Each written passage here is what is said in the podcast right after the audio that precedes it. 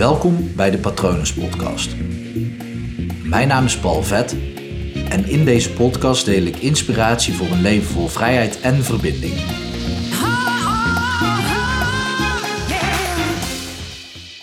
Toen ik 14 was, waren we kampioen geworden met voetbal. En dat was wel tof, dat jaar ook, want we, we speelden toen ook tegen profclubs zoals NAC Breda. En volgens mij hebben we datzelfde jaar ook tegen Feyenoord gespeeld. En Willem II. Ja, was wel echt, echt tof om tegen dat soort gasten te spelen die echt wel goede training kregen. En eh, ja, om er daar dan van te winnen, dat is helemaal gaaf natuurlijk. Want ja, wij waren de kampioen, dus we waren boven, boven topclubs geëindigd. Uh, wij speelden overigens alleen in de competitie bij NAC. Uh, voor de beker speelden we tegen een hoger elftal van NAC.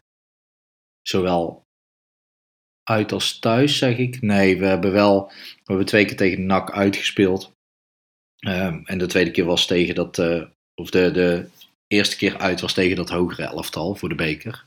Die wonnen we met 4-1. Dat is ook wel erg vet. En uh, tegen Feyenoord en Willem II waren andere, andere partijen volgens mij op toernooi of zo. Tegen Feyenoord heb ik mijn enige penalty ooit gemist. Terwijl ik de keeper was, maar ik moest altijd penalties nemen. En uitgerekend tegen Feyenoord. Want ja, Breda Feyenoord is altijd wel een beetje spanning, laten we dat zo zeggen. maar uitgere uitgerekend tegen Feyenoord schoot ik hem op de paal. Dat was uh, flink balen en gewoon slecht genomen penalty, heel eerlijk. Um, en helaas kon ik als keeper dus ook niet het verschil maken. Als ik hem er wel in had geschoten, dan hadden we hem uh, gewoon gewonnen. Want ik, uh, ik pakte er wel twee. Maar goed, uh, kampioen geworden dus. En de, de club die trakteerde ons op een aantal dingen. En wat de club voor mij had geregeld was dat ik een proeftraining kreeg. Of in ieder geval een training van Wilco de Vocht. En Wilco de Vocht was op dat moment ofwel eerste keeper van NAC Breda of tweede, dat weet ik niet meer zeker. Het kan ook zijn dat uh, John Karelsen toen de nummer 1 keeper was. Ik durf het niet meer te zeggen. Ik kan het opzoeken, maar daar heb ik geen zin in. Maar gewoon ontzettend gaaf om op die leeftijd. Ik kreeg al keeperstraining, maar dan om gewoon van zo'n profvoetballer, een profkeeper, gewoon training te krijgen, dat was echt te gek. En het ging ook echt lekker. Ik, ik zat er lekker in. Nou ja, dat hele seizoen zijn we als team gewoon echt flink gegroeid. We hadden echt toptrainers. Uh, nou ja, en dan een aparte keeperstrainer, dus daar, daar groei je wel van. En aan het einde van die training zei, zei Wilco tegen mij: Gast, je bent, je bent best goed. En eigenlijk wil ik je bij deze gewoon uitnodigen om een proeftraining te komen volgen bij NAC Breda. Want wellicht dat, dat jij die overstap wel zou kunnen maken. Uh, proeftraining is de eerste stap. Hè. Dat wil verder niks zeggen. Alleen dat ik blijkbaar een talent had. Uh, wat hij wel zag. Uh, dus super dankbaar daarvoor. Ik ben toen gaan overleggen met mijn moeder. En toen hebben we samen maar besloten om het niet te doen. Met als excuus, ik noem het nu even zo. Als excuus dat mocht ik echt een goede keeper zijn, dan komen ze vanzelf wel twee jaar later. Echt het domste wat ik kan doen op zo'n moment, bedenk ik me dus achteraf. En ja, ik, ik, ik zeg altijd, ik heb nergens spijt van in mijn leven. Dat geloof ik ook, want alles gaat zoals het gaat. En alles heeft me, uh, alles wat, me, wat ik heb gedaan en wat er is gebeurd in mijn leven, heeft me ook tot hier gebracht in mijn leven.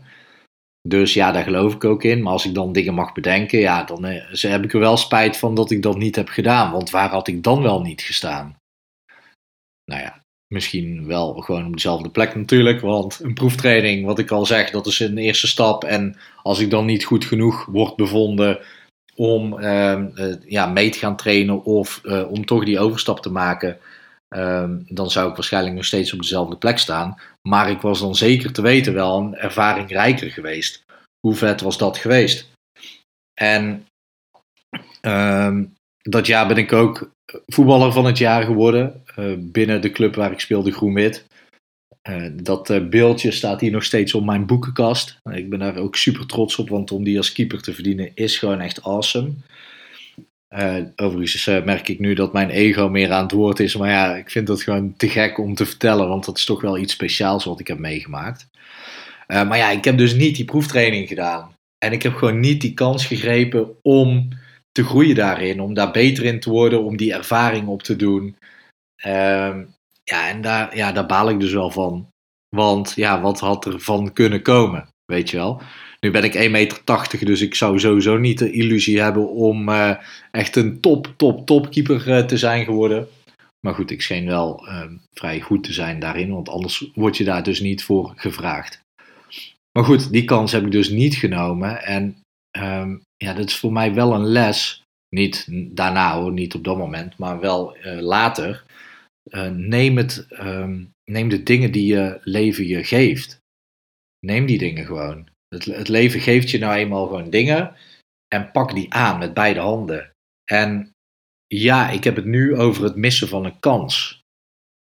En ja, ik weet zeker dat er op jouw pad legio kansen komen om dingen aan te grijpen op weg naar een ander leven. Ik weet dat zeker. Ik weet zeker dat als je je ogen goed open houdt en je staat ervoor open om te veranderen, omdat je misschien de kans wel aanwezig dat je wil veranderen, want waarom zou je anders naar deze podcast luisteren? Dus als je wil veranderen in je leven, is het slim om je ogen goed open te houden en kansen te grijpen daar waar ze voorbij komen. En ja, dan ga je waarschijnlijk wel 20 keer op je bek, of 100 keer, of 1000 keer. Misschien ook nul, nul keer, want misschien is dat gewoon die ene kans en uh, is dat een schot in de roos.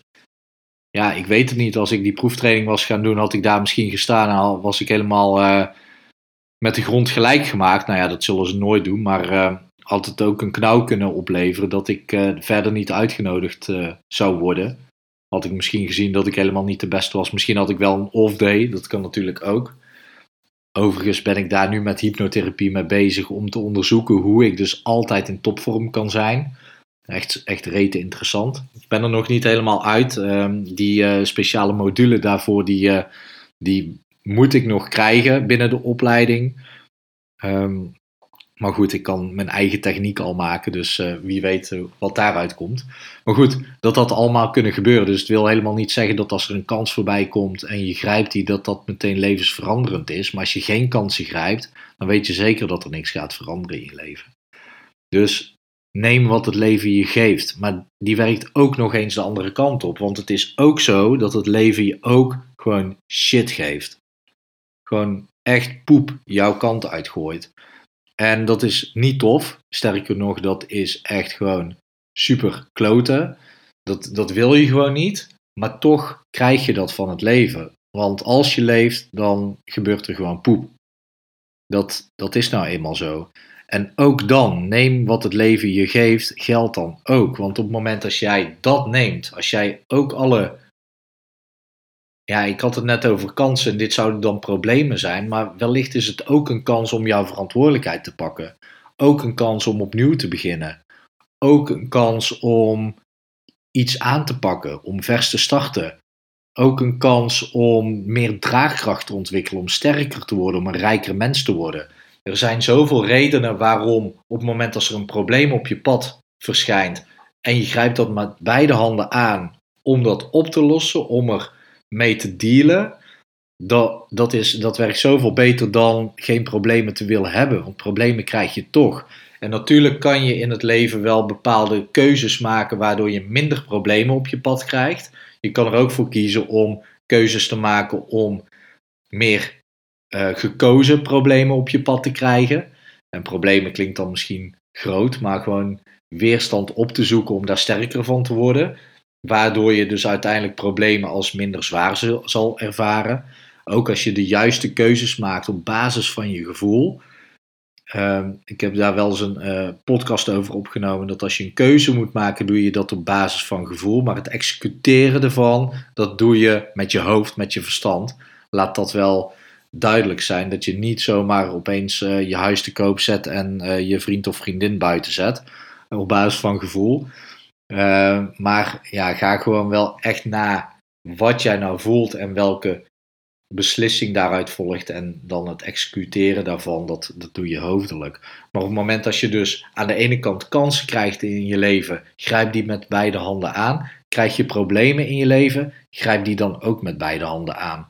Want op dat moment zal je veel meer ervaren dat je leeft. Dan heb jij de touwen in handen. Niet de touwtjes meer, maar gewoon de touwen van je leven in handen. Zit jij aan het stuur en heb jij de verantwoordelijkheid en niemand anders. Jij bent gewoon verantwoordelijk voor jouw leven.